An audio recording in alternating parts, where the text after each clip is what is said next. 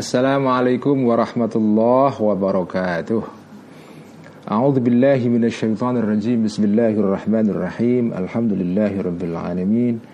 Wassalatu wassalamu ala asyrafil anbiya'i wal mursalin Sayyidina wa habibina Wa maulana Muhammadin wa ala alihi wa ashabihi ajma'in. Amma ba'd. Teman-teman semua Mari kita ngaji kembali malam ini. Agak sedikit terlambat Karena tadi ada acara uh, kita akan mulai dengan kitab Himayatul Kanais fil Islam halaman 12. Mari kita mulai dengan membacakan Al-Fatihah untuk semua penulis uh, artikel atau makalah yang dikumpulkan dalam buku ini. Ala kulli niyatin salihatin wa ala hadin niyah Al-Fatihah. أعوذ بالله من الشيطان الرجيم. بسم الله الرحمن الرحيم. الحمد لله رب العالمين. الرحمن الرحيم. مالك يوم الدين. إياك نعبد وإياك نستعين. اهدنا الصراط المستقيم. صراط الذين أنعمت عليهم غير المغضوب عليهم ولا الضالين. آمين. بسم الله الرحمن الرحيم. قال المؤلف رحمه الله تعالى ونفعنا به وبعلومه في الدارين. آمين. ربي يسر وعين halaman 12 وبعد. Wabadu ya. Dan adapun setelah yang tadi tadi jadi itu formula yang sering dipakai di dalam eh, bahasa Arab terutama bahasa Arab klasik ya. Jadi sering kali kalau orang ingin pindah ke tema selanjutnya itu biasanya menggunakan kata wabadu untuk memisahkan antara yang sebelumnya dengan yang sesudahnya tapi biasanya wabah itu dipakai di dalam uh, di dalam konteks memisahkan antara pembukaan pembicaraan yang dimulai dengan alhamdulillah rabbil alamin wassalatu wassalamu dan seterusnya wabatu atau amma ba'du ya. Tapi kalau dipakai wabah itu di tengah-tengah begini biasanya agak jarang ya. Ini kan bukan dalam konteks memisahkan antara pembukaan yang standar itu ya alhamdulillah dan segala macam dengan isi dari pembicaraan. Ini kan tidak itu konteksnya tapi ya bisa juga dipakai seperti itu. Dalam tulisan-tulisan esai atau tulisan makalah juga kadang sering dipakai kadang dipakai ya.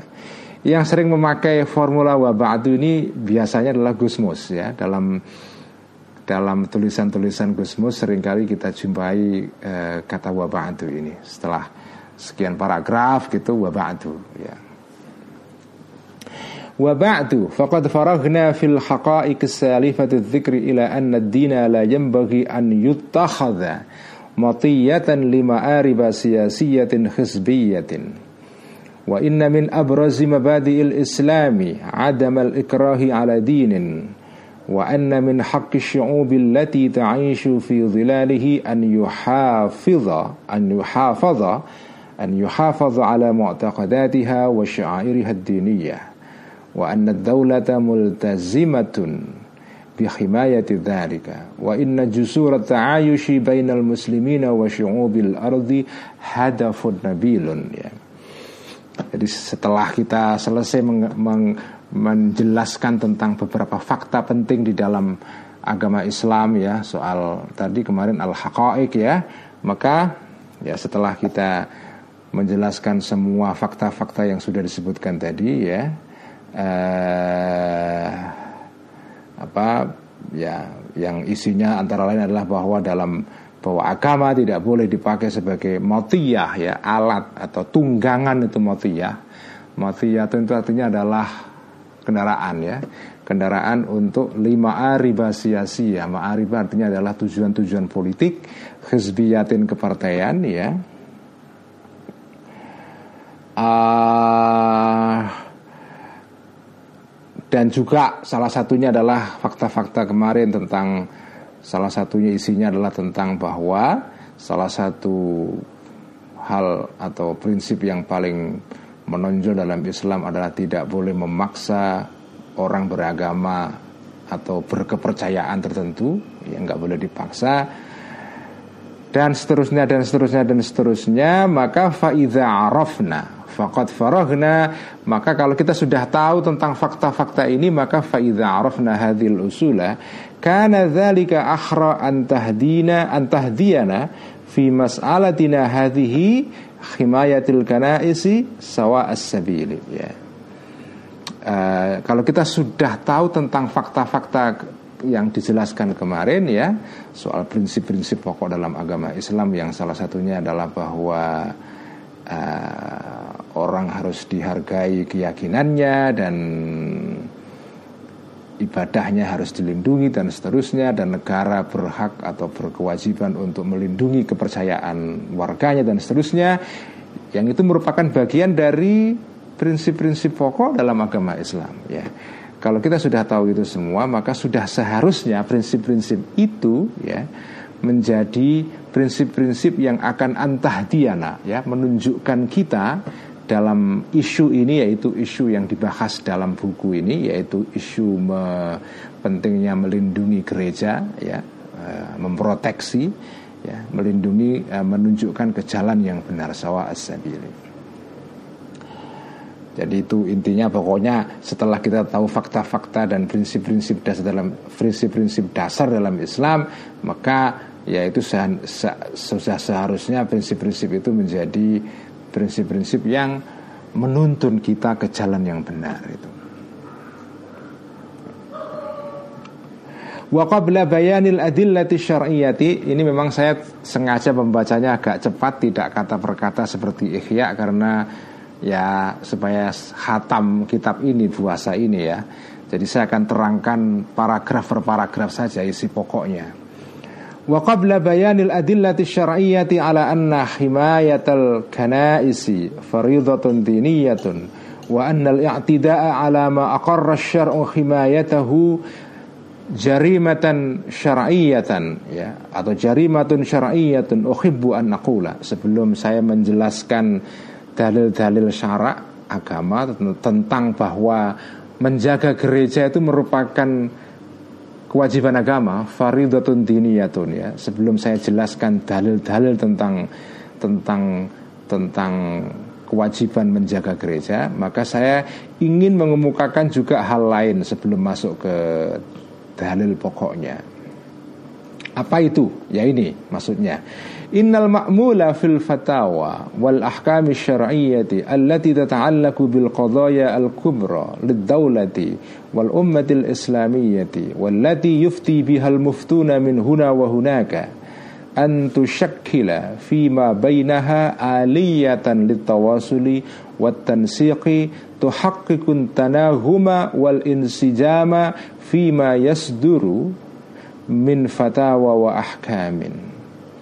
Amma an yuwajahan nasu fil qadayal kubra bi ahkamin wa fatawa mutakhalifatin wa rubbama mutanaqidatin fa inna dhalika min sya'nihi an yuthira fid dawlati awamil al-ittirabi Paragraf ini menjelaskan bahwa innal ma'mula ya sesungguhnya yang diingin dicapai goal atau tujuan yang dicapai dalam fatwa hukum ya itu adalah terutama yang menyangkut masalah-masalah besar al qodoya al kubro ya. Masalah-masalah yang urgen yang dihadapi oleh bangsa ya dan umat Islam. Tujuan fatwa itu adalah ya eh, adalah untuk menciptakan aliyah. Aliyah itu artinya mekanisme ya. Mekanisme. Dari kata alatun itu artinya adalah mesin alat.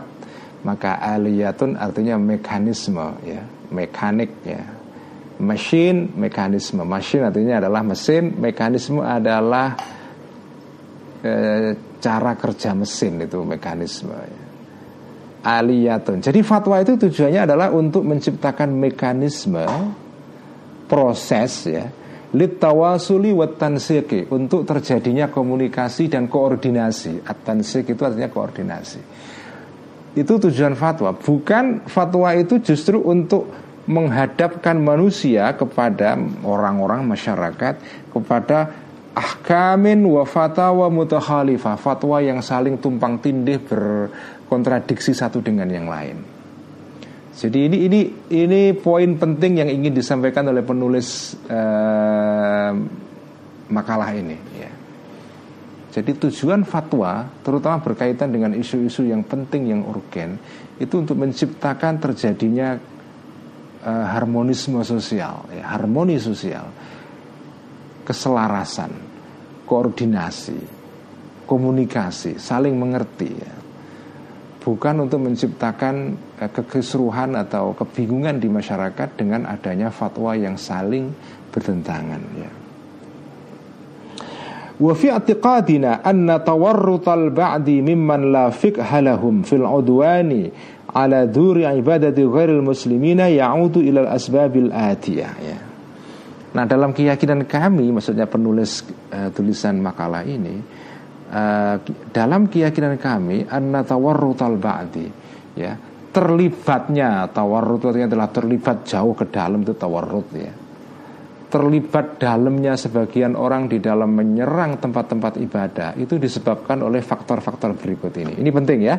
Mari kita baca. Kenapa ada orang kok menyerang gereja, menyerang kelenteng, menyerang pura, menyerang tempat-tempat ibadah orang lain? Itu kenapa? Nah, menurut penulis buku ini ya ada beberapa sebab kenapa orang melakukan itu yang orang-orang itu di dalam tulisan ini disebut sebagai orang-orang yang lafik halahum tidak ada tidak punya pemahaman tidak punya fikih tidak punya pengetahuan mengenai hukum yang tepat dan benar ya. Mari kita pelajari uh, penyebabnya. As-sababul awwalu adamun nudjil fiqhiyyi ya أو عدم تكامل الملكة الفقهية المتعلقة بأحكام أهل الكتاب في الشريعة الإسلامية لا سيما لدى الجماعات المتطرفة Yang pertama adalah adamun nudjil fiqhi Faktor pertama adalah tidak adanya kematangan pemahaman Atau kematangan fikih ya. Orang ini tidak matang pemahaman atas hukum Islam atau adamu takamulil malakatil fikhiyah atau kemampuan dia untuk memahami hukum fikih itu belum sempurna ya. kemampuan dalam bentuk keterampilan ya. Malakah itu artinya adalah keterampilan yang sudah melekat di dalam diri seseorang sehingga dia menjadi semacam skill ya. Jadi skill atau keterampilan dia di dalam memahami fikih itu belum sempurna itu. Terutama ini terjadi ya eh, terhadap kelompok-kelompok yang ekstrim ya al jamaat al mutatarrifah itu yang biasanya dicirikan dengan satu ciri khas. Mereka ini semangat agamanya gede tapi pengetahuannya kurang itu. Pengetahuannya kurang tapi mereka merasa tahu banget. Ya kan? Ini ada ya Allah Gusti ini kelompok-kelompok ini ya. Mereka itu merasa tahu banget hanya karena baca bukunya Ibnu Taimiyah baca bukunya Ibnul Qayyim, Muhammad bin Abdul Wahab, itu sudah merasa tahu segala-galanya. Yang dibacanya itu aja Ibnu Taimiyah, Ibnul Qayyim, sedikit Ibnu Katsir, uh, Muhammad bin Abdul Wahab pendiri gerakan Wahabi, uh, mungkin ditambah dengan sejumlah penulis-penulis atau ulama salafi di Saudi Arabia ya itu sudah cukup karena bagi mereka ulama-ulama lain yang tidak mengikuti mazhab mereka itu dianggap bukan ulama ya. Jadi Ibnu Hajar Al-Haytami ya, atau uh, Zakaria Al-Ansari atau Syahabuddin Ar-Ramli, Imam Nawawi atau itu semua nggak penting itu. Yes, itu bukan orang-orang yang dianggap bagian dari kelompok mereka itu. Jadi mereka dengan pengetahuan yang ya kalau dibaca buku-bukunya orang-orang yang orang-orang jihadis ekstremis itu ya kelihatannya penuh dengan dalil. Kelihatannya ada banyak ayat Qurannya ada banyak hadisnya ada banyak kutipan dari ulama. Tapi kalau jenengan uh, apa kuliti jenengan beleceti itu kelihatan sekali ya. Pengetahuannya mereka ya hanya hanya sesisi saja ya. Ya yang dikutip ya itu itu doang itu ya Profesor Quraisy siap ah nggak nggak dihitung itu. Uh, ah, Dr. Said Ramadan Al Buti ya nggak dihitung itu. Yusuf Kordowi apalagi nggak dihitung itu. Bagi mereka yang ulama beneran ya mereka. Mereka merasa tahu betul. Jadi kamu kamu bilang mereka itu nggak punya pengetahuan agama, mereka nggak terima. Oh, mereka bacanya, tapi ya dibaca ya itu itu saja gitu loh. Jadi mereka ini belum matang sebetulnya pemahaman fikihnya itu. Jadi ada nudjil fikhi ya. Itu sebab pertama ya, belum ada kematangan uh, berfikih ya atau kematangan pemahaman. Dan ini diletakkan oleh penulis buku ini dalam uh, ranking pertama. Jadi faktor pertama itu adalah pemahaman yang belum matang. Kedua, asbabu tsani adamu wujudi manhajin mu'arrifin wa mulzimin fi tariqatil muthla lil bahthi fi ahkami ahli kitabi wa muwaddihin li mazahiril farqi baina amalil mufti wa amalin naqili lil ahkami min marajiha wa adami ma'rifatil farqi bainal ahkami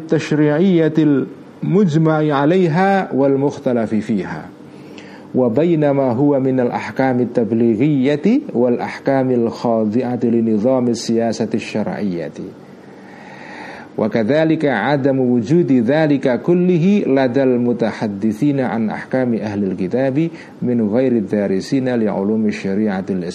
sebab kedua adalah ya orang-orang ini terutama kelompok-kelompok ekstrim dan radikal ini yang merasa tahu agama melebihi yang lain-lain ya itu mereka tidak punya ya manhajun mu'arrifun, tidak punya metode atau cara memahami Al-Qur'an dan Al-Hadis, terutama Al-Quran dan Al-Hadis yang spesifik berkaitan dengan hukum ahlul kitab ya orang-orang Yahudi dan Nasrani. Karena kan masalahnya kan ini kan masalahnya hubungan antara orang Islam dengan ahlul kitab.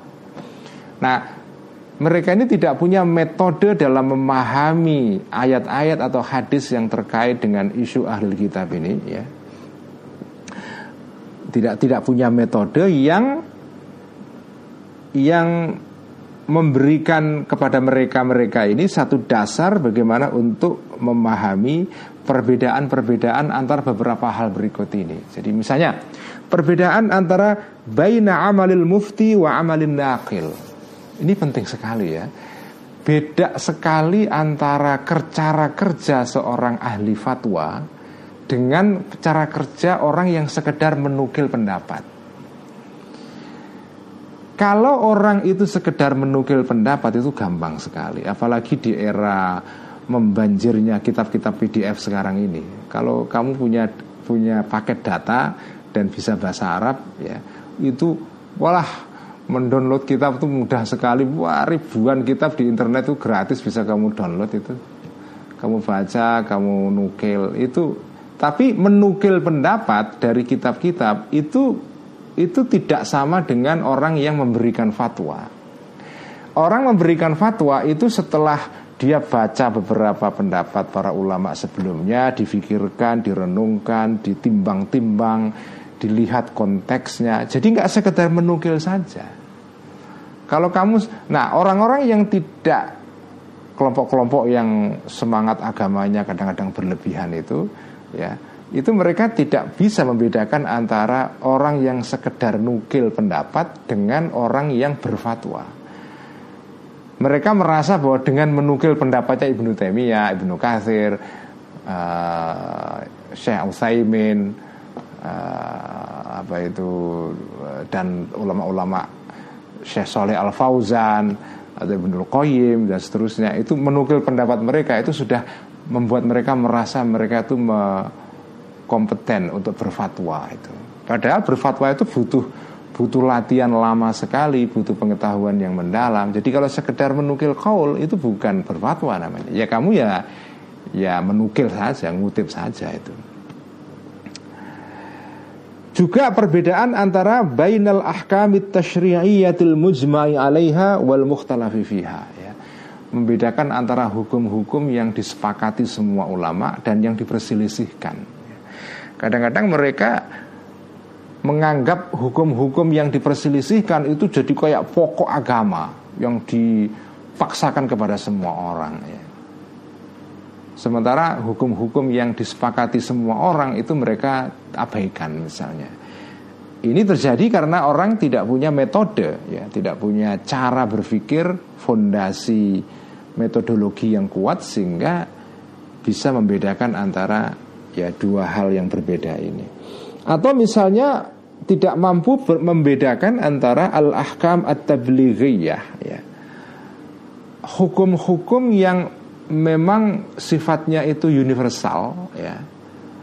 Um, maksudnya berlaku sepanjang zaman sehingga harus disampaikan kepada semua orang dan wal ahkamil khadi'ati li nizami siyasati syar'iyyah dan hukum-hukum yang tunduk kepada uh, tuntutan ahkam syar'i ah, uh, siasa syariah ya. Maksudnya siasa syariah itu adalah tunduk kepada tuntutan um, tuntutan penyelenggaraan kemaslahatan publik. Misalnya jadi hukum dalam Islam dalam fikih itu dibagi dua. Ada hukum yang menyangkut hukum-hukum yang terkait dengan apa ibadah ritual yang ibadah makhdoh sholat zakat segala macam ya itu kalau dalam istilah ini masuk di dalam al-ahkam at ya hukum yang memang sifatnya universal hukum yang terkait dengan ibadah itu kan dari dulu ya sama saja ya. Eh, sholat puasa itu kan dari sejak zaman Nabi sampai sekarang ya sholat kurang lebih seperti itu tata caranya tapi ada hukum-hukum yang fleksibel berubah terus-menerus terkait dengan perubahan sistem politik itu yang disebut dengan siasa syariah di sini ya. Hukum tentang bagaimana mengatur negara. Apakah negara itu harus ada pemilu atau tidak? Ya. Misalnya, pemilu itu masuk di dalam hukum secara Islam boleh atau tidak? itu bukan hukum tablighiyah kategorinya tapi hukum-hukum yang terkait dengan uh, siasa syariah dan itu fleksibel karena itu Gus Dur dulu pernah bilang bahwa dalam Islam itu tidak ada sistem politik yang yang yang fix yang pasti sistem politik itu berkembang sesuai dengan perkembangan zaman Nabi sendiri tidak menetapkan satu sistem tertentu tapi sebagian kelompok yang tidak punya pemahaman fikih yang kuat menganggap masalah politik ini itu status hukumnya itu sama dengan hukum al-ahkam at-tablighiyah, sama dengan hukum sholat, zakat, haji, puasa, padahal statusnya beda sekali. Yang satu sifatnya tetap berlaku sepanjang zaman, tidak ada perubahan. Yang lain ini berubah-ubah sesuai dengan siasa syariah ya. Tergantung dengan bagaimana mengelola negara mengelola satu kepentingan publik atau maslahah ammah ya. Atau misalnya nah itu semua terjadi pada orang-orang yang eh, berbicara sering berbicara mengenai hukum-hukum yang terkait dengan ahlul kitab, orang-orang Yahudi Nasrani, tapi tidak mempelajari ilmu syariah secara sistematis. Orang-orang yang lulusan fakultas-fakultas non keagamaan dari IPB, dari ITB, dari UGM yang sekolahnya kedokteran, sekolahnya fisika, kimia, tapi sok ngomong hukum-hukum agama seolah mereka ini ngerti soal hukum agama terutama terkait dengan orang Yahudi Nasrani Alkitab itu. Ya kalau tidak tahu ya ya jangan memaksakan diri lah ya. Makanya saya pernah bilang Orang yang doktor di satu bidang itu belum tentu dokter di bidang yang lain. Kalau kamu dokter di bidang fisika ya sudah kamu di situ keahliannya. Dalam bidang-bidang yang lain kamu mungkin ya setara dengan orang SD atau atau SMP atau saya di bidang fisika kimia saya orang bodoh ya. Saya nggak ngerti apa-apa ya. Dalam bidang yang saya kuasai ya saya saya bisa ngomong tapi dalam bidang kedokteran ya saya ini SD atau TK bahkan ya. Jadi jangan mentang-mentang kalau kamu itu dokter itu terus dokter dalam segala hal. Nah itu problemnya sekarang orang ini orang Indonesia ini kalau sudah lihat orang bertitel dokter kan terus wah dianggap dokter dalam segala hal. Padahal ya dokternya di bidang geologi atau ya ini bukan terus ngenyek bukan ya. Artinya ini kan menyadarkan orang orang itu kan keahliannya itu kan tertentu gitu loh. Ya kalau kamu sudah di luar keahlian kamu ya sudah jangan terus merasa paling tahu gitu loh Nah, ini kan yang aneh ada orang yang dokternya di bidang geologi ngomong agama merasa setara dengan Profesor Quraish Shihab yang belajarnya memang agama dari sejak SD sampai doktor. Ya kan lucu itu. Dan dijadikan sebagai panutan gitu. Nah itu yang sekarang terjadi. Ini salah satu yang yang apa ya yang yang dijelaskan oleh penulis buku ini antara sebab kenapa terjadi orang kok menyerang gereja itu karena sering kali orang mendengarkan orang lain dalam soal agama dari orang yang tidak mengerti agama. Hanya kebetulan dia punya titel besar gitu saja itu. Ya. As-sababu thalith Oke sekarang sebab ketiga Ada mura'atil ahwali wal azmani wal ashkhasi wal dhurufi wal darurati Wa mastajadda Mim ma'lumatin wal ahkam syar wal ahkamu syar'iyyatu taduru ma'a ilaliha wujudan wa adaman. Sebab ketiga adalah ya Kenapa kok ada orang yang menyerang gereja dan segala macam itu Karena dia ini dalam memahami hukum ini tidak melihat ya Tidak menjaga ada memuraat ya Tidak menjaga al-ahwal wal azman Kondisi dan waktu Wal ashkhas dan manusia-manusia yang hidup dalam waktu yang berbeda wazuruf dan dan tempat ya atau zaman dan tempat. Zuruf itu artinya konteks ya. Wadarurat ya dan dan situasi-situasi yang bersifat mendesak darurat ya. Itu nggak nggak nggak paham dia. Padahal hukum agama wal ahkamu syar'iyyatu taduru ma'ilaliha hukum agama itu berubah-ubah sesuai dengan ilatnya, dengan alasan kenapa dia ada itu. Oke, setelah saya sudah menerangkan tiga aspek, tiga sebab kenapa orang menyerang orang menyerang gereja dan segala macam, Nah setelah saya serangkan Setelah saya terangkan semua Sekarang saya masuk ke pokok pembahasan. Wabi wus'i Al-ana an al khutut al-aridata Liqadiyati khimayatil kanaisi Mutamathilatan fil adillati taliyati ya. Nah sekarang saya ingin Membuat satu peta Peta, peta general umum ya. Al-khutut al-aridah artinya Peta secara garis besar ya uh, outline kira-kira gitu ya tentang masalah pentingnya menjaga gereja ini ya uh, dalam yang tergambar di dalam dalil-dalil berikut ini. Pertama, awalan yaqulul Qur'anul Karim. Al-Qur'an berkata ya. Ini ini ini ungkapan modern sebetulnya. Kalau kalau di dalam kitab-kitab klasik nggak ada itu ya kulul Quran itu. Yang ada ya qala Allah taala. Allah berfirman. Tidak ada qala Al-Qur'an. Ini istilah modern ya karena yang nulis buku ini kan orang modern ya. Sekarang kan Quran berkata. Masa Quran bisa berkata?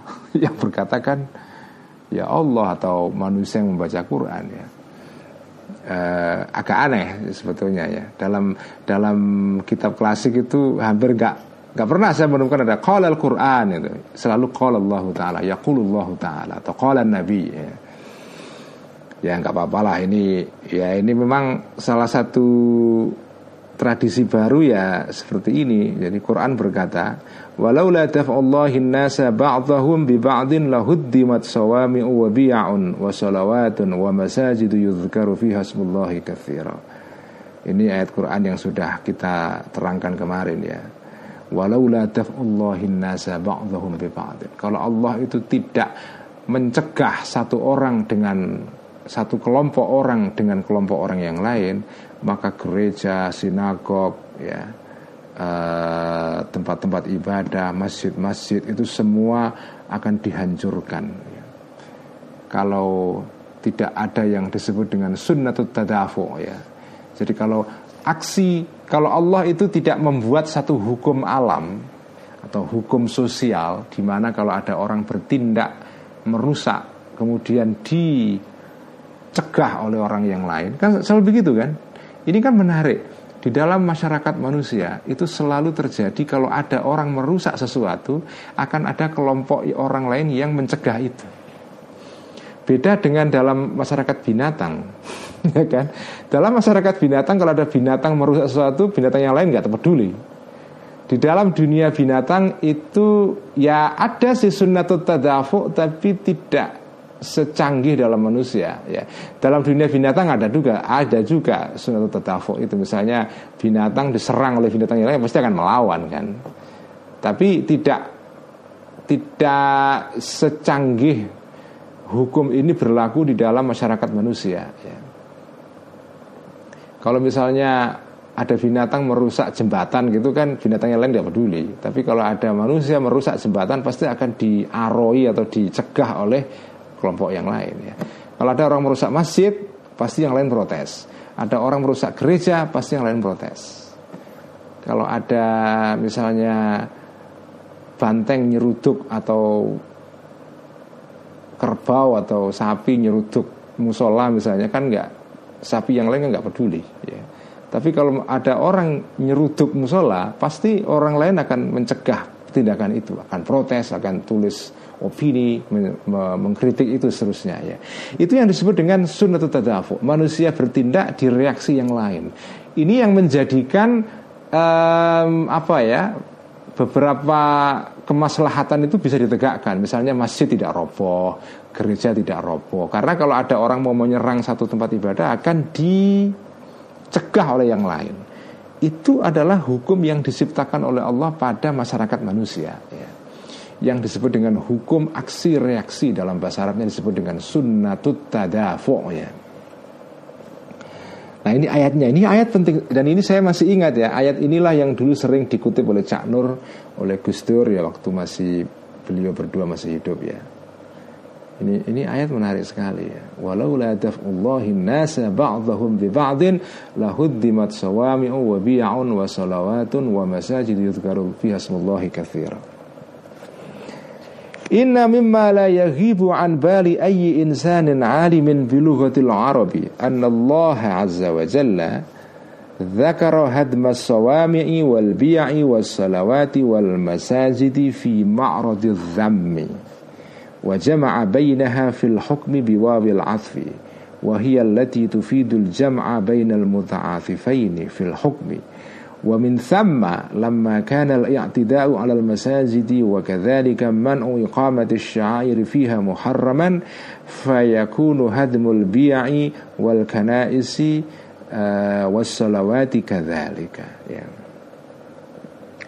Jadi ayat ini kalau diteliti ya inna mimma la yahibu termasuk sesuatu yang tidak tidak samar ya tidak lepas dari perhatian orang yang mengerti bahasa Arab. Artinya kalau orang ngerti bahasa Arab membaca ayat ini ya dan membacanya dengan teliti, maka dia akan melihat di sini bahwa ketika Allah menyebut gereja dirusak, sinagog dirusak, tempat-tempat ibadah yang lain dirusak dan masjid-masjid dirusak itu ya. Dalam ayat ini kan disebutkan ini perusakan tempat-tempat ibadah ini. Ketika Allah menyebut perusakan-perusakan tempat ibadah ini. Ini konotasinya negatif atau positif ya. Jelas konotasinya negatif kan. Ketika Allah menyebutkan seandainya orang seandainya tidak ada hukum yang membuat orang melawan tindakan orang-orang yang lain ya, maka masjid akan dirusak, gereja akan dirusak seterusnya. Nah, merusak tempat-tempat ibadah semua dalam konteks ayat ini itu kan disebutkan di dalam pengertian negatif. Artinya nggak boleh merusak karena itu negatif kan. Itu yang disebut dengan ma'raduz zam itu. Dan karena Allah itu menggunakan dalam redaksi ayat ini menggunakan huruf atafwa artinya dan dan ya e, gereja dan sinagog dan tempat-tempat ibadah dan masjid itu tembungnya atau redaksinya menggunakan wawu ataf ya dan itu untuk koneksi ya. Nah kalau ada kalimat menggunakan kata atau partikel ataf wawu ataf wa dan dan dan dan dan itu artinya semua unit-unit yang disambung dengan dan dan dan dan dan dan itu itu statusnya sama, hukumnya sama, setara gitu. Jadi merusak masjid, merusak gereja, merusak sinagog, merusak tempat-tempat ibadah yang lain itu statusnya sama falaisat bimanzilati ibadatil authani ya. Jadi yang disebut yang dimaksudkan dengan dengan firman Allah lahuddimat sawamiu akan dihancurkan gereja-gereja ya. ya. Nah, yang dimaksudkan gereja-gereja sini adalah gereja-gereja di zaman Nabi ya. Karena gereja-gereja pada zaman Nabi itu masih dipakai sebagai tempat untuk mengagungkan nama Allah. Karena itu statusnya beda dengan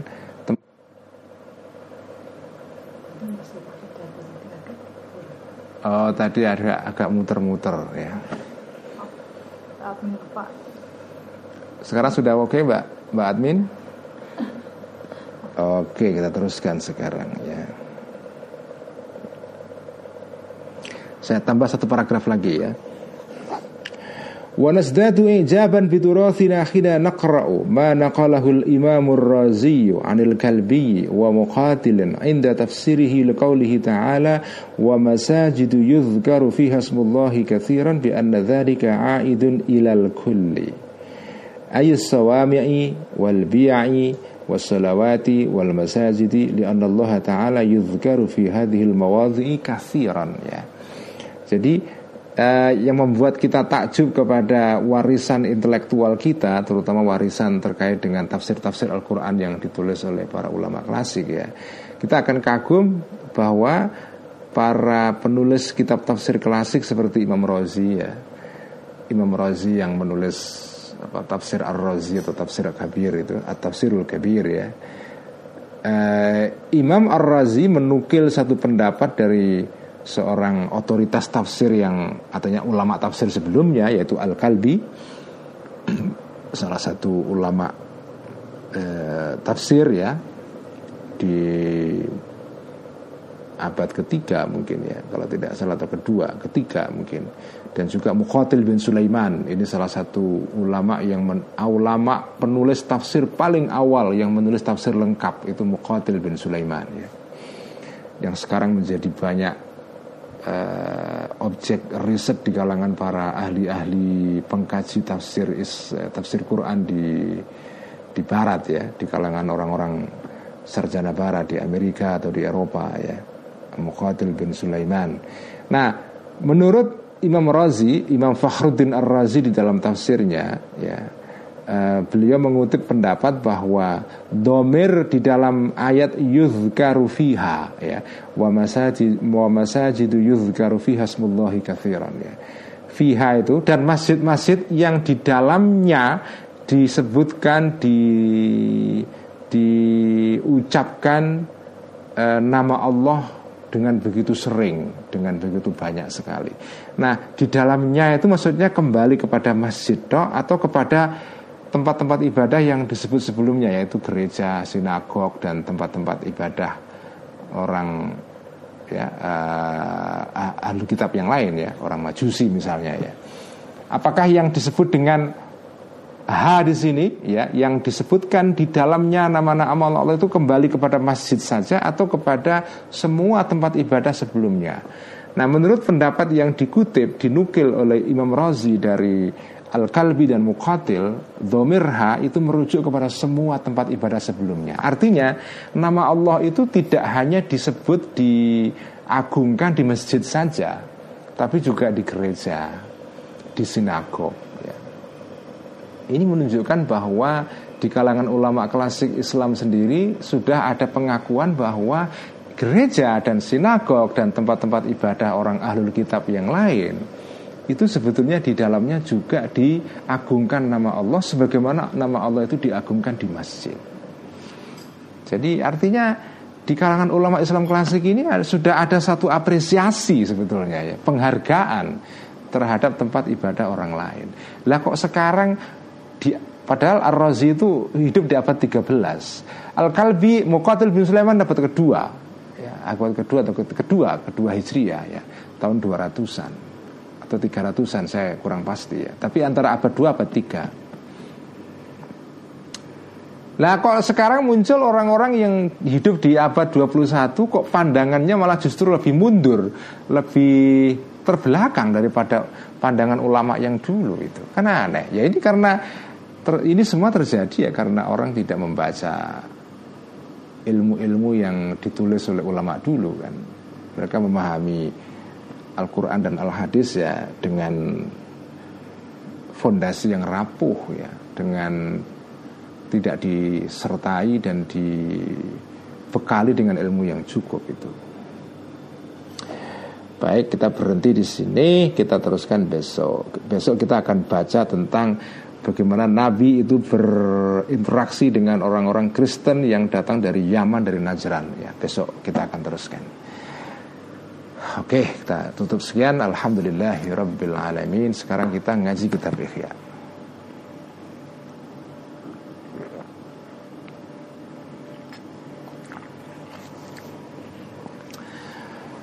A'udzu billahi minasyaitonir rajim. Bismillahirrahmanirrahim. Ila ruhi nabiyina wa syafiina Muhammadin sallallahu alaihi wasallam wa ila arwahil anbiya'i wal mursalin wa ila arwahil ali wal ashabi ajma'in. وإلى أرواح الأولياء والشهداء والصالحين خصوصا إلى روح سلطان الأولياء الشيخ عبد القادر وخصوصا إلى أرواح الأولياء إلى التسعة إلى أرواح ولسان وفي جاوة. قدس الله أسرهم ونور ضريعهم وعلى المرقادهم ونفعنا بعلومهم. إلى أرواح أموات المؤلفين والمصنفين والعلماء الصالحين. خصوصا إلى روح مؤلف كتاب إحياء علوم الدين حجة الإسلام أبي حامد الغزالي قدس الله سره ونور ضريحه وأعاد علينا بركاته وأمدنا بمدده. وإلى أرواح أموات المسلمين والمسلمات والمؤمنين والمؤمنات شيء لله لهم الفاتحة. أعوذ بالله من الشيطان الرجيم. بسم الله الرحمن الرحيم. الحمد لله رب العالمين. الرحمن الرحيم مالك يوم الدين إياك نعبد وإياك نستعين اهدنا الصراط المستقيم صراط الذين أنعمت عليهم غير المغضوب عليهم ولا الضالين آمين بسم الله الرحمن الرحيم قال المؤلف رحمه الله تعالى ونفعنا به وبعلومه في الدارين آمين ربي يسر وأعين sekarang kita masuk ke halaman 958 kitab Ihya ya Nah, kemarin kita agak membaca cukup panjang ya, eh, membaca sebetulnya selingan, yaitu selingan tentang bagaimana ngajar anak-anak. Padahal sebetulnya kan tema yang dibahas Al-Ghazali ini mengenai mujahadah, mengenai bagaimana memerangi hawa nafsu, bagaimana melatih nafsu riyadatun nafas ya, melatih atau mujahadatun nafas memerangi nafsu. Tapi tiba-tiba kok di tengah-tengah itu muncul bab tentang pedagogi anak itu kan, itu selingan ya. Nah kenapa begitu? Saya kira Al Ghazali sengaja menyisipkan selingan ini supaya kita nggak nggak sepaneng aja, nggak stres, nggak ini cara cara menulis kan teori. Makanya saya sering kali menulis mengatakan bahwa kalau anda ingin menjadi penulis yang hebat bacalah karya-karya Al Ghazali terutama Ihya itu. Di situ ada banyak trik-trik menulis yang menarik ya. Salah satunya adalah ya ini menulis dengan ada sisipan-sisipan yang membuat kita rehat sebentar break gitu ya. Tiba-tiba Al Ghazali bicara tentang pedagogi anak tapi walaupun selipan dia tetap terkait dengan tema besarnya itu. Nah ini menarik menurut saya. Jadi kalau mau nulis supaya pembacanya tidak bosen, ya dikasih selingan lah ya, yang ringan-ringan gitu. Bismillahirrahmanirrahim. Kita masuk ke bab baru sekarang. Selingan selesai kita masuk kembali ke bab utama. Bab, bab Bayanu syurutil iradati wa muqaddimatil mujahadati Wa tadrizil muridi fi suluki sabilir riyadati. Bayanu syurutil iradati Menerangkan tentang syarat-syarat iradah. Maksudnya iradah itu kehendak ya yaitu kita berkehendak melakukan sesuatu yang baik ya. Bagaimana syarat-syaratnya orang itu punya iradah ya, punya kehendak kuat untuk melakukan mujahadah atau memerangi hawa nafsu, memasuki jalan atau laku rohani spiritual ya. Wa muqaddimatil mujahadati dan keterangan tentang muqaddimah atau pengantar mujahadah, memerangi hawa nafsu watadrijil muridi dan keterangan tentang eh, tahap-tahap seorang murid ya, tahap-tahap orang menjadi pelaku spiritual itu. Fisuluki sabilir riyadati di dalam menempuh jalan riyadah atau jalan latihan rohani. Riyadah artinya latihan ya. Orang Jawa me me mengucapkan kata riyadah menjadi rialat ya. Karena orang Jawa itu lidahnya tidak bisa mengucapkan seluruh huruf Arab ya. Jadi dot menjadi lam. Maka riyadat menjadi rialat gitu ya maknanya sama antara riyadat dengan rialat. Makanya dulu di pesantren kalau makna ini ar-riyadah itu rialat ya. Sebenarnya rialat itu ya riadoh sebetulnya ya. Nah kalau makna yang sesungguhnya riadah artinya adalah latihan. Ya. Artinya adalah latihan itu. Uh, Nah kalau di dalam bahasa Arab modern riyadhah artinya olahraga Kalau anda baca koran Arab modern gitu ada rubrik namanya riyadhah ya. Itu bukan artinya rialat tapi olahraga ya. Wa'lam anna man syahadal akhirata biqalbihi musyahadata yaqinin Wa'lam dan ketahuilah Annaman sesungguhnya barang siapa Syahada menyaksikan al-akhirat akhirat biqalbihi dengan hatinya orang tadi musyahadata yakinin dengan kesaksian yang yakin betul tidak ada keraguan-raguan di dalamnya. Maka jawabnya man asbaha maka akan menjadi orang tadi bidarurati secara niscaya muridan sebagai orang khobarnya asbaha muridan sebagai orang yang menghendaki harsal akhirati kebun akhirat ya. Maksudnya akhirat yang di situ ada kebun-kebunnya yang ya surga lah ya. Mustaqan orang yang rindu ilaiha kepada al akhirah ya. Salikan menempuh subulaha terhadap jalan-jalan akhirat. Mustahinan mengam, mustahinan menganggap remeh binaimid dunia dengan nikmat dunia waladzatiha dan kesenangan-kesenangan dunia. Barang siapa yang menyaksikan akhirat dengan hatinya, dengan keyakinan yang mendalam. Barang siapa mengetahui tentang tentang kesejatian hidup di akhirat ya.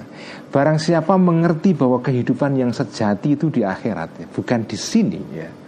Barang siapa memahami dengan sepenuh-penuh pemahaman ya bahwa akhirat itu adalah kehidupan yang sesungguhnya, maka sudah pasti kalau orang mempunyai keyakinan seperti itu, pasti lebih memilih akhirat ketimbang dunia. Itu sudah pasti ya. Fa'innaman karena sesungguhnya orang kanat yang ada indahu bagi orang tadi uh, kharzatun. Uh, khorzatun itu apa uh, apa itu? Kalau kita punya kalung terus ada manik-maniknya dari kaca itu apa yang kayak tasbih itu namanya ya. Ya biji lah ya.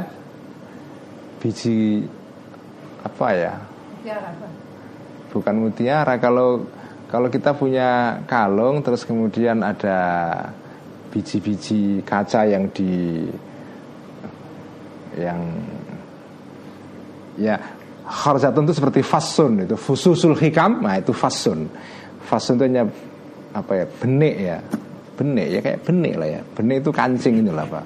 Atau atau seperti gundu itu lah pak. Tahu? Manik-manik. Ya atau gundu itu manik-manik ya. Bareng ya kelereng kayak kelereng ya. Barang siapa indahu bagi orang itu khorzatun manik-manik yang terbuat dari kaca ya. Faro'a maka melihat orang tadi jauharotan mutiara nafisatan yang berharga. Lam yabko maka tidak tersisa lahu bagi orang tadi Ragbatun kesukaan fil khorzati dalam manik-manik kaca tadi Wakawiyat dan kuat iradatuhu kehendak orang tadi Fi bai'iha untuk menukar khorzah atau manik-manik tadi bil jauharati dengan mutiara. Kalau kamu punya kelereng atau manik-manik dari kaca, terus kemudian lihat mutiara atau atau berlian, ya sudah pastilah kamu pasti milih mutiara atau berlian kan. Nah itulah perbandingan antara orang yang melihat dunia dan akhirat itu ya. Akhirat itu seperti mutiara, dunia ini kayak kelereng yang dari kaca itu. Sama-sama mengkilap, cuma yang satu itu akik biasa. Ah, khorza itu kayak akik biasa gitu ya. Yang satu berlian itu ya jauh lah ya. Nah pasti kamu kalau lihat berlian tentu kamu kepingin menukar manik-manik kacamu dengan berlian itu. Nah tapi kalau ada orang tahu tentang mahal dan berharganya akhirat tidak menginginkan akhirat nah itu berarti ada yang masalah ada masalah dengan orang itu waman barang siapa laisa yang tidak Orang tadi muridan menghendaki hartal akhirati kebun atau tanaman akhirat atau sawai akhirat ya, sawahnya akhirat. Walau taliban dan tidak me mencari. Orang numprih kalau bahasa pesantrennya itu ya. Tolaba ya telubu artinya numprih. Maksudnya mencari. Wala taliban dan tidak mencari orang tadi liliqaillahi untuk berjumpa dengan Allah taala maka itu pasti terjadi karena fahuwa orang tadi li'adami maka fahuwa maka tadi itu yaitu ketidak menghendakinya orang tadi kepada kehidupan akhirat itu li'adami imanihi karena tidak iman atau tidak percayanya orang man billahi dengan Allah atau kepada Allah wal yaumil akhir dan hari akhir. Ya kalau kalau orang tidak menghendaki akhirat itu pasti karena nggak iman. Lah iyalah kalau orang mengerti akhirat itu begitu berharga, kehidupan kelak setelah kehidupan sekarang itu lebih berharga dari yang sekarang dan tidak menghendaki itu. Berarti kan karena nggak percaya dia. Dia dia hanya percaya bahwa kehidupan selesai di sini. Ya. Setelah ini nggak ada apa-apa itu ya. Jadi orang yang tidak beriman kepada akhirat maka sudah pasti dia tidak akan menginginkan kehidupan akhirat. Nah ini keterangan berikutnya ini yang penting ini Ini Anda perhatikan ya. Karena sering kali kita mengaku beriman Beriman kepada hari akhir Kepada kehidupan kelak Tapi sejatinya kan kita nggak beriman sebetulnya. Hanya ngomongnya saja beriman itu ya. Nah ini, ini dengarkan ini kata Imam Ghazali berikutnya ini. Walastu dan tidak ada aku Al Ghazali maksudnya akni menghendaki aku bil imani dengan iman di sini ya Aku tidak memaksudkan iman di sini sebagai hadisan nafsi, ya, omongan hati. Waharokatal lisani dan bergeraknya lidah, ngomong maksudnya. Fi kalimat syahadati dengan dua kalimat syahadat min ghairi sidkin tanpa kejujuran ya wa ikhlasin dan keikhlasan Fa inna dzalika jadi yang aku maksud dengan iman di sini bukan sekedar omongan hati ah, aku beriman ya. Terus dikatakan aku beriman dengan lesannya ya. Tapi tanpa dibarengi dengan keyakinan ya. Kalau sekedar asyhadu alla ilaha illallah banyak orang bersyahadat itu. Tapi kan bersyahadat dengan lesan itu kan belum menggambarkan keseluruhan proses, ya kan? Iman itu kan proses yang kompleks ya, yang rumit. Mengucapkan dengan lesan itu kan hanya satu bagian saja. Ada bagian-bagian yang lain yang tidak terlihat oleh kita yaitu keyakinan di dalam hati misalnya. Nah, kalau kalau kita beriman hanya omongan tok tapi tidak disertai dengan sidqin wa ikhlasin, itu bukan iman yang dikehendaki oleh Al-Ghazali di sini itu. Fa inna karena sesungguhnya tadi itu yaitu beriman tanpa disertai dengan kejujuran dan keikhlasan yudohi menyerupai dzalika tadi qaulaman terhadap ucapan orang sedekah yang percaya bi annal jauharata bahwa sesungguhnya mutiara khairun lebih baik minal kharzati dari uh, manik-manik kaca tadi itu.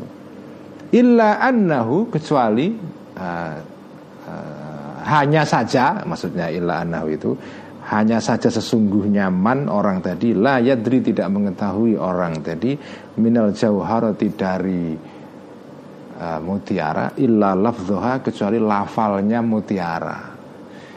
Jadi itu sama dengan orang percaya, wah aku percaya kalau mutiara itu lebih baik daripada kelereng. Tapi dia nggak paham mutiara itu apa. Dia hanya mutiara itu ya hanya ngerti melafalnya saja kata mutiara. Tapi sejatinya mutiara itu nggak tahu dia. Wa amma hakikatuha anapun hakikatnya adapun hakikatnya jawaroh mutiara fala maka tidak mengerti orang tadi itu. Jadi kalau kamu mengatakan aku beriman tapi nggak ada keyakinan yang mendalam dalam diri kamu itu seperti orang mengatakan oh aku suka mutiara tapi tidak ngerti mutiara itu apa. Ya, nggak ngerti akhirat itu apa? Nggak ngerti. Cuma oh aku iman gitu ya.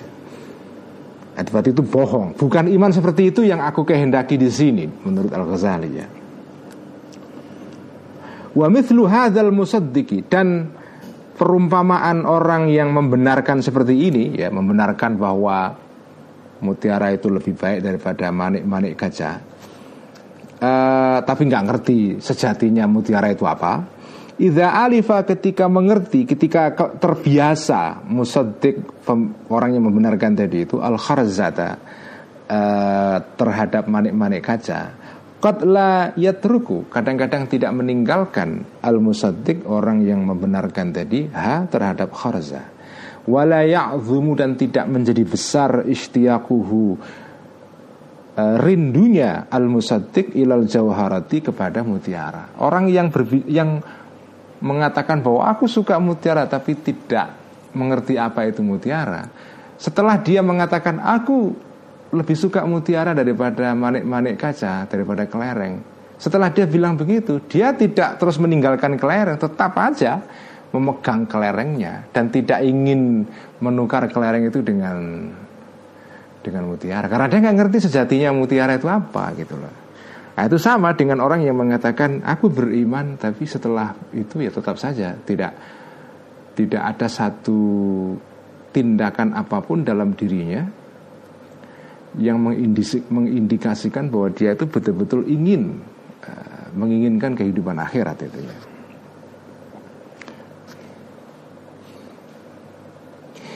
Faidan karena itu ya, karena faidan maka dengan demikian ya, Faidan maka dengan demikian al-mani'u sesuatu yang menghalang minal wusuli dari wusul dari sampainya kita kepada tujuan akhir yaitu Allah itu ya atau akhirat ya.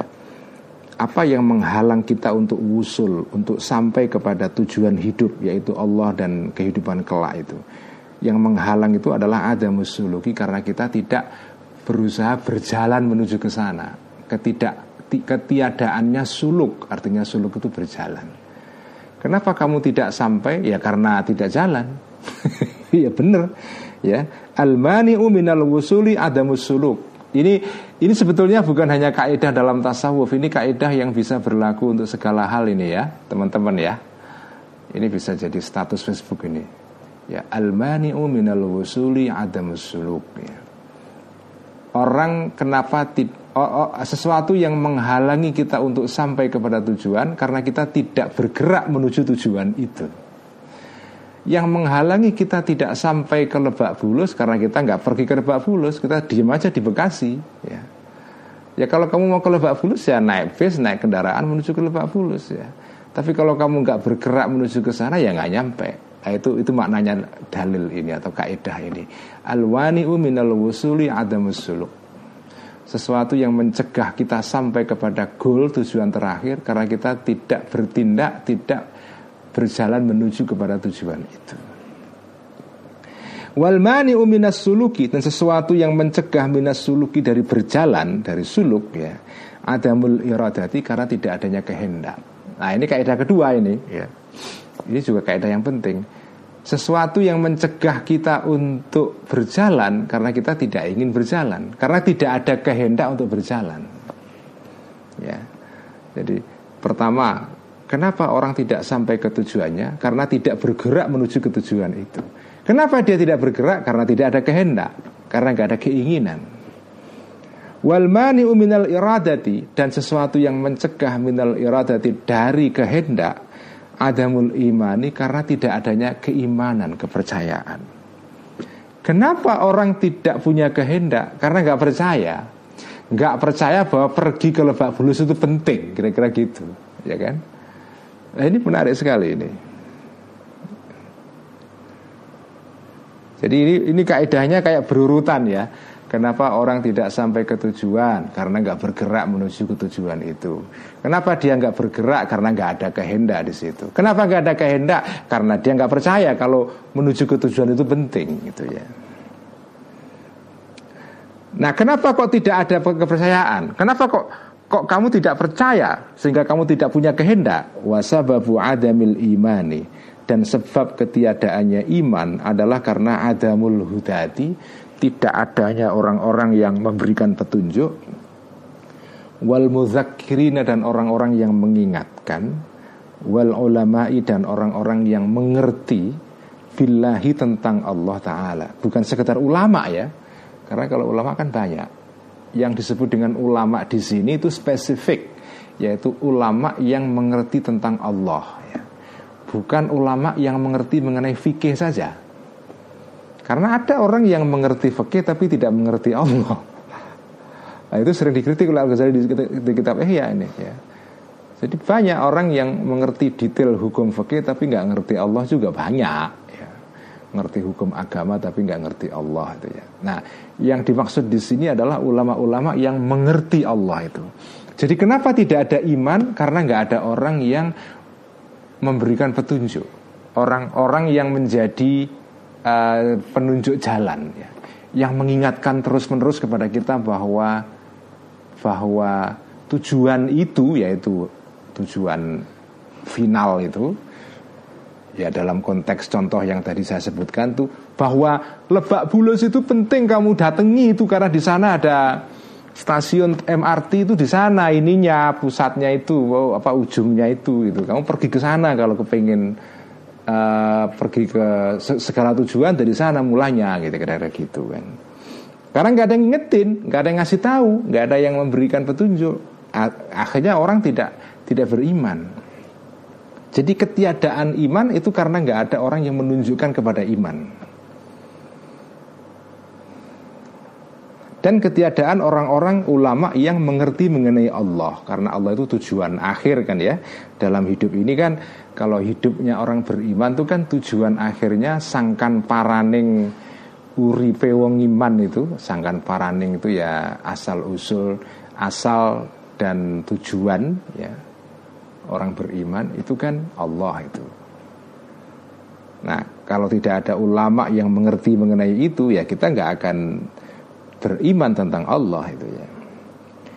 Al-hadina ulama-ulama tadi al-hadina yang menunjukkan ila tariqihi kepada jalan Allah wal munabbihina dan ulama-ulama yang mengingatkan ala haqaratid dunia terhadap hinanya dunia wangkirodhiha dan rusaknya dunia wa amril akhirati dan mengingatkan tentang pentingnya perkara akhirat wa dawamiha dan langgengnya kehidupan akhirat ya.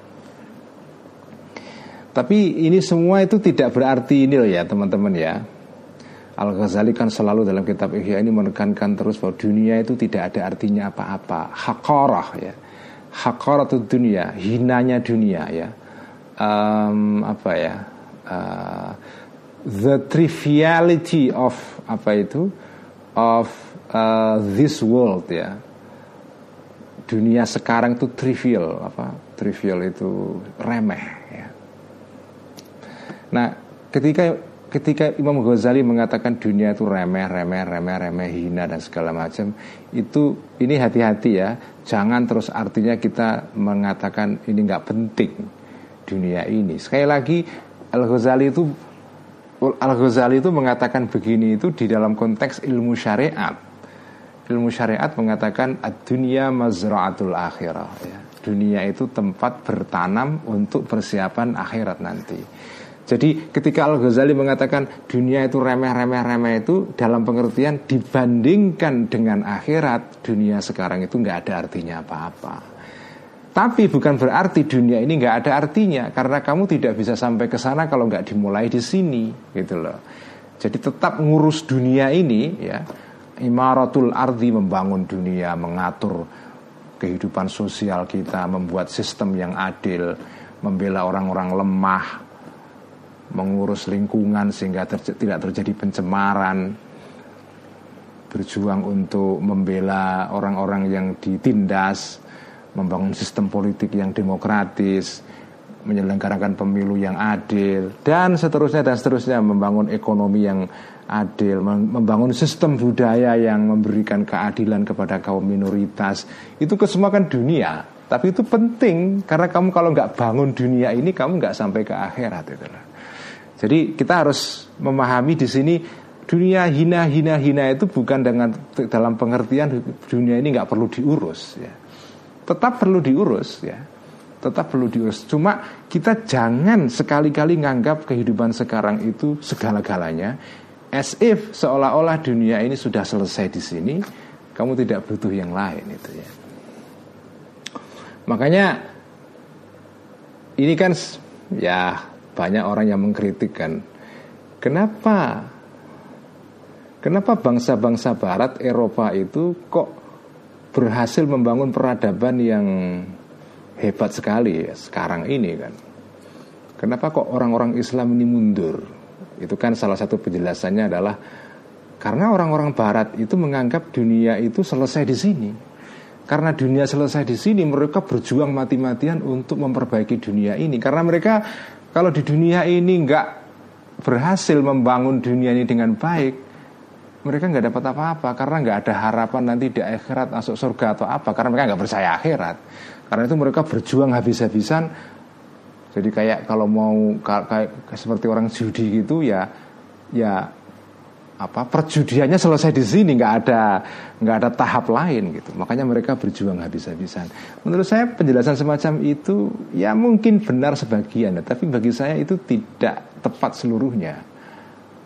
Uh, Sementara orang Islam termasuk kritik tadi kan Orang Islam itu kan karena masih percaya ada akhirat Jadi nggak serius ngurus dunia Karena oh toh kalau kami nggak berhasil di dunia Nanti juga masih ada akhirat kok ya. Ada surga nggak apa-apalah di dunia kita miskin Dan segala macam. Nah itu menurut saya keliru pandangan seperti itu. Karena Nabi sendiri di dalam sebuah hadis yang sohih yang terkenal sekali seperti yang diriwayatkan oleh dalam kitab Al-Arba'in An-Nawawiyah bagian akhir sekali ya. Di situ dalam hadis itu dikatakan bahwa ini penting sekali ya kita camkan supaya saya ingin mengatakan begini supaya kita tidak keliru memahami kitab Ihya ya. Di dalam hadis itu dikatakan i'mal li dunyaka ka'annaka ta'ishu abadan wa'mal li akhiratika ka'annaka tamutu wadan. I'mal li dunyaka ka'annaka ta'ishu abadan. Bekerjalah demi memperbaiki dunia ini seolah-olah kamu hidup abadi. Wa'mal li akhiratika ka'annaka ta'ishu tamutu wadan. Beramallah, bekerjalah untuk meraih kebahagiaan di akhirat seolah-olah kamu itu mati besok itu. Jadi kalau kita lihat hadis ini sebetulnya ajaran Islam itu menganggap bekerja memperbaiki dunia itu sama harus seriusnya kita dengan bekerja untuk meraih kebahagiaan di akhirat. Cuma at the end of the day ya pada akhirnya dunia ini dibanding akhirat. Nggak ada apa-apanya, hakorah ya, hina, nggak ada nilainya. Tapi walaupun tidak ada nilainya tetap perlu kita urus. Karena kita nggak bisa sampai ke akhirat dengan sukses kalau di dunia ini kita juga nggak nggak berbuat baik gitu loh itu itu maksudnya maksudnya ini semua ya. Jadi jangan jangan terus wah nggak penting dunia itu nggak usah diurus kita ngurus ibadah saja itu. Keliru. Sekali lagi keliru orang yang berpandangan seperti itu ya. bukan itu ajaran yang dikehendaki oleh Al Ghazali di sini ya. Jadi kita kita itu di di sini di dalam kitab Ihya diajari satu pandangan bahwa oke okay, kamu ini ngurus dunia tapi tetap kamu harus punya pandangan bahwa dunia ini bukan segala-galanya. Bahkan dunia ini nggak ada nilainya.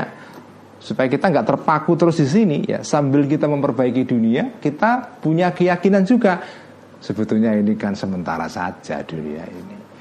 Tapi kalau sementara nggak diurus ya ya berabe juga gitu loh ya. Itu itu. Jadi jadi sekali lagi Al Ghazali dalam kitab Ihya ini bekerja dalam kerangka syariat syariatnya sudah diterangkan dalam hadis tadi itu. Ya li dunya annaka ta'ishu abadan. Wa'mal li akhiratika ka'annaka tamutu. Itu tamutu dan itu hadis yang keren sekali ya. Keren sekali itu. Fal khalku maka orang-orang manusia makhluk ghafiluna pada dasarnya makhluk itu ghafiluna lupa semua. Pada dasarnya orang-orang itu pada lupa ya. Kalau menurut Ronggo Warsita itu manusia itu pada dasarnya edan semua ya. Maksudnya edan itu tidak eling. Ora eling lan ora waspodo Itu kalau dalam bahasa filosof besar Jawa itu Ronggo Warsito ya. Fal khalku ghafiluna.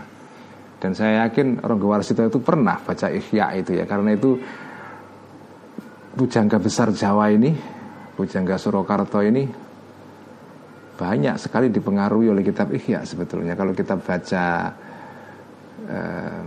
tembang-tembangnya, karya-karyanya itu, ya serat-seratnya nampak sekali itu pengaruh kitab Ihya itu.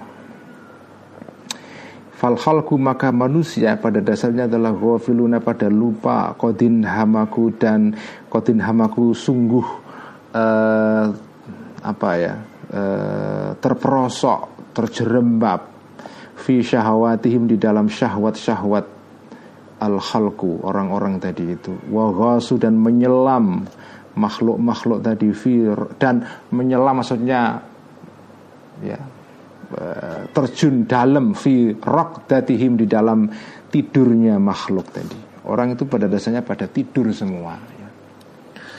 ketika mereka mati baru bangun itu ya an-nasu niyamun matu intabahu.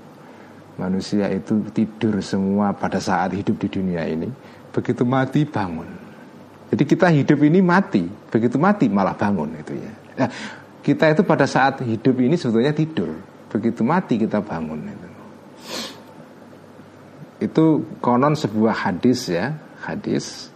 Dan konon salah satu Bukan konon ini, ini jelas ini uh, Seorang ahli tasawuf Islam tapi dia non muslim ya non muslim dia perempuan dari Jerman namanya Anne Marie Schimmel ini sarjana Jerman yang terkenal karena menulis banyak buku tentang mistik Islam atau tasawuf Islam dan mengenalkan tasawuf kepada masyarakat Barat melalui buku-buku yang banyak sekali.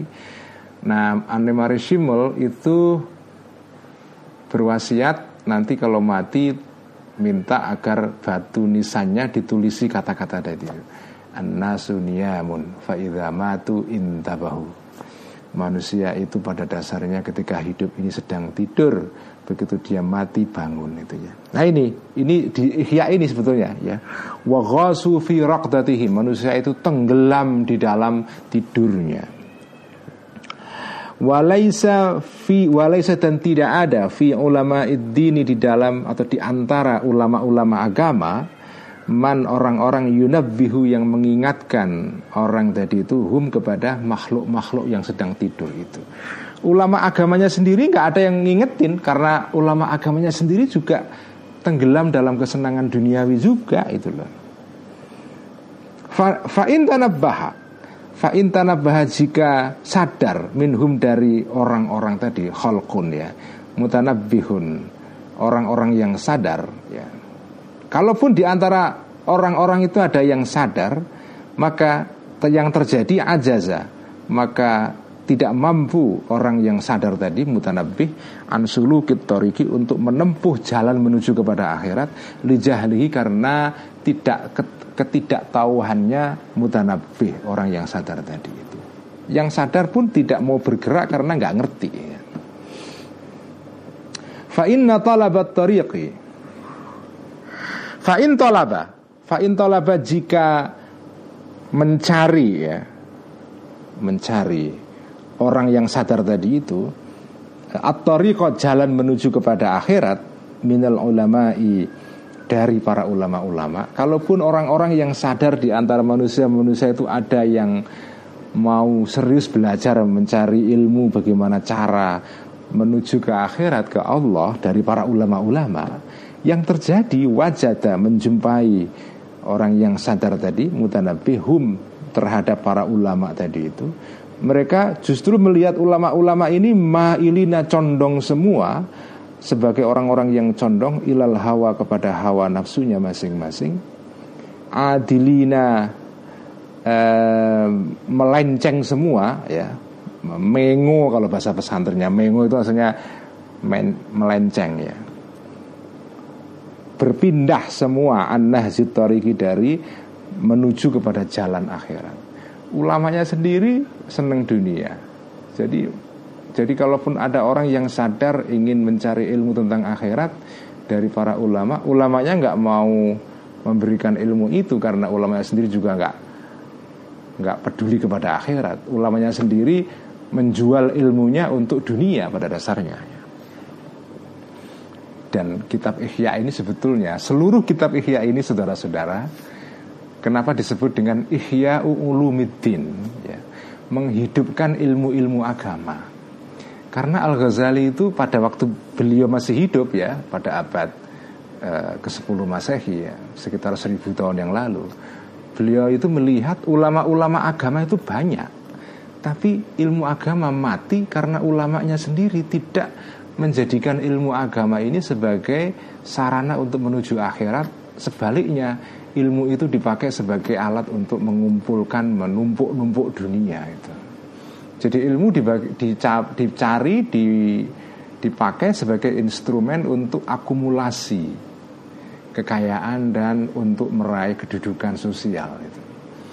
Dan karena itu ilmu jadi mati Karena mati perlu dihidupkan lagi Itulah intinya kitab Ihya sebetulnya ya Jadi misi Ya uh, Apa itu uh, Mission impossible-nya Al-Ghazali ini Dalam kitab Ihya ini adalah Mission Mission Impossible-nya ini kalau memakai judul filmnya Tom Cruise itu. Jadi Mission Impossible-nya Al Ghazali di sini adalah misi pokok yang nyaris kayak mustahil dicapai ya, tapi sebetulnya tidak tidak tidak mustahil ya. Adalah menghidupkan ilmu-ilmu yang sudah diselewengkan oleh para ulama-ulama ini untuk mencari dunia, untuk mencari kedudukan itu. Makanya baca kitab ya ini ngeri sebetulnya saudara-saudara. Saya sendiri juga takut sebetulnya baca baca kitab ini. Karena kitab ini sebetulnya menohok kita semua. Menohok orang-orang yang kebetulan punya ilmu agama. Kita ini punya ilmu agama ini janjani untuk apa? Untuk sekedar kita dibilang orang yang pinter gitu atau menjadikan ilmu ini sebagai sarana untuk meraih kekayaan atau bagaimana? Makanya baca kitab Ihya itu membuat kita setiap kali tersindir terus itu. Termasuk saya ber, berkali-kali kesindir oleh kitab Ihya ini. Tapi nggak apa-apa, kita belajar di sini ya. Kita diingatkan oleh Al Ghazali ini tentang ya bahayanya membiarkan ilmu-ilmu agama ini mati karena kita menjadikan ilmu agama sebagai sarana untuk mencari dunia itu. Jadi orang-orang yang ingin cari ilmu dari ulama pun ulamanya nggak peduli karena mereka sudah terperosok dalam hawa nafsu. Fasara maka jadilah dhu'ful iradati lemahnya kehendak wal jahlu dan ketidaktahuan bitoriki tentang jalan menuju akhirat wa nutkul ulama'i dan berbicara ulama bil hawa sesuai dengan hawa nafsunya gabungan kombinasi antara tiga faktor ini ya yang orang-orang awamnya sendiri tidak punya kehendak untuk menuju akhirat juga nggak ngerti bagaimana jalan menuju ke sana.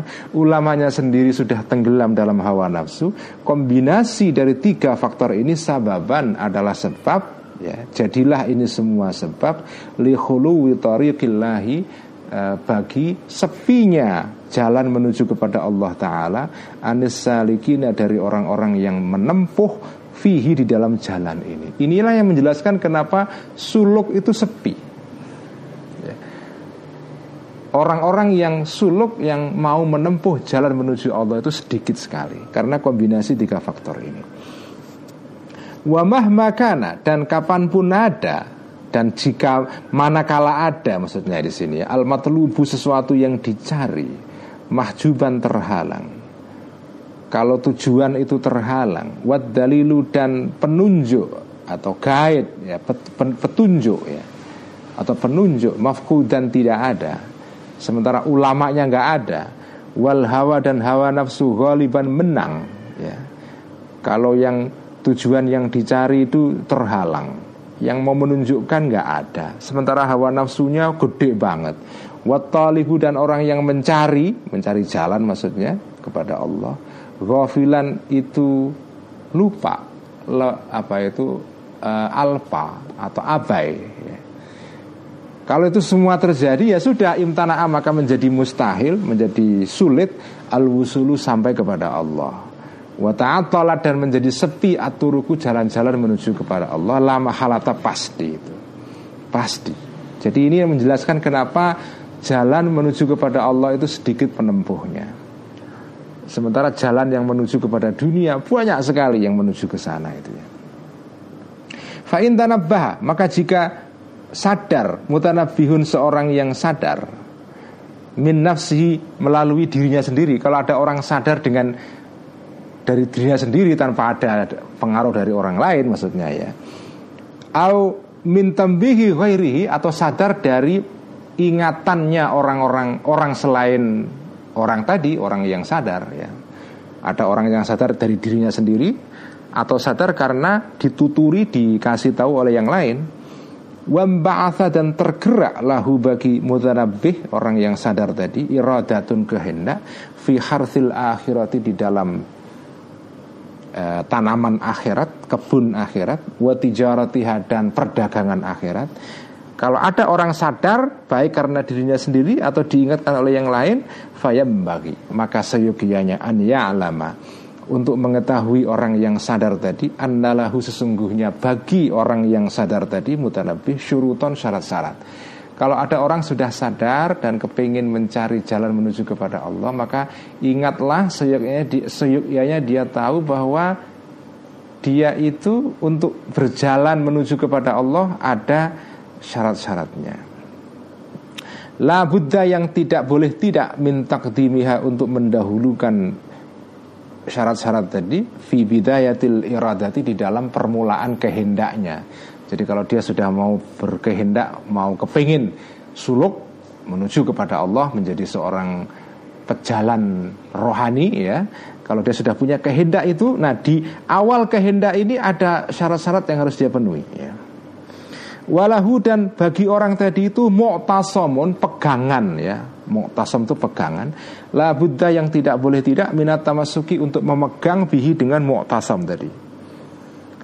Walahu dan bagi orang yang sadar tadi Hisnun ada uh, benteng Atau hisnun itu benteng atau apa itu Apa itu? Uh, perisai. Ya, Kayak perisainya Kapten Amerika itu loh ya. Itu namanya perisai Hisnun ya. La Buddha yang tidak boleh tidak minat tahasuni untuk berbenteng, untuk berlindung bihi dengan hisnun, dengan benteng atau perisai tadi. Liak mana supaya aman orang tadi yang sadar tadi itu. Minal a'dai dari musuh-musuh al kutai ya. Uh, oh, al, bacanya al kutta bukan al kutta ya. Kalau al kutai itu adalah uh, jamak jamak ya jamak takfir. Jamaknya kata qati'un kutta'un. Kalau dibaca kutta'un itu sewat mubalaghah. Artinya orang yang banyak sekali memotong-motong itu kotaun ya. Itu sama dengan orang yang keliru memaknai kata kufarun dengan kafarun ya kan? Kemarin kan terjadi itu kalau kufarun itu jamaknya kata kafirun. Orang kafir banyak itu kufarun kalau kafarun itu orang yang kafir banget ya. Bukan jamak kafarun itu isi mufrad ya. Orang yang kafir banget itu namanya sekat mubalaghah. Bentuk yang menunjukkan makna yang akut makna yang dalam musuh-musuh al qatta al quttai ya ini jamak ya al quttai yang memotong ya, litorikihi terhadap jalannya orang yang sadar tadi itu. Maksudnya musuh-musuh yang merampok itu al di sini ya. Wa alaihi dan bagi orang tadi itu wadhaifu ada tugas-tugas labudda yang tidak boleh min mulazamatiha untuk menetapi wadhaif tugas-tugas tadi itu fi waktu sulukit tariki eh, di dalam waktu menempuh jalan menuju kepada Allah. Jadi itu ini ini jadi orang yang sudah mulai sadar itu dia harus ngerti bahwa ada syarat-syarat pertama yang harus dia sadari ya sebelum dia melanjutkan perjalanannya menuju kepada Allah Subhanahu wa taala. Saya kira cukup malam ini Haji Yahya sampai di sini aja sedikit sekali nggak apa-apa ya. Besok kita teruskan di paragraf berikutnya. Sekian, mari kita tutup ngaji kita pada malam hari dengan bacaan hamdalah alhamdulillahirabbil alamin. Wassalamualaikum warahmatullahi wabarakatuh.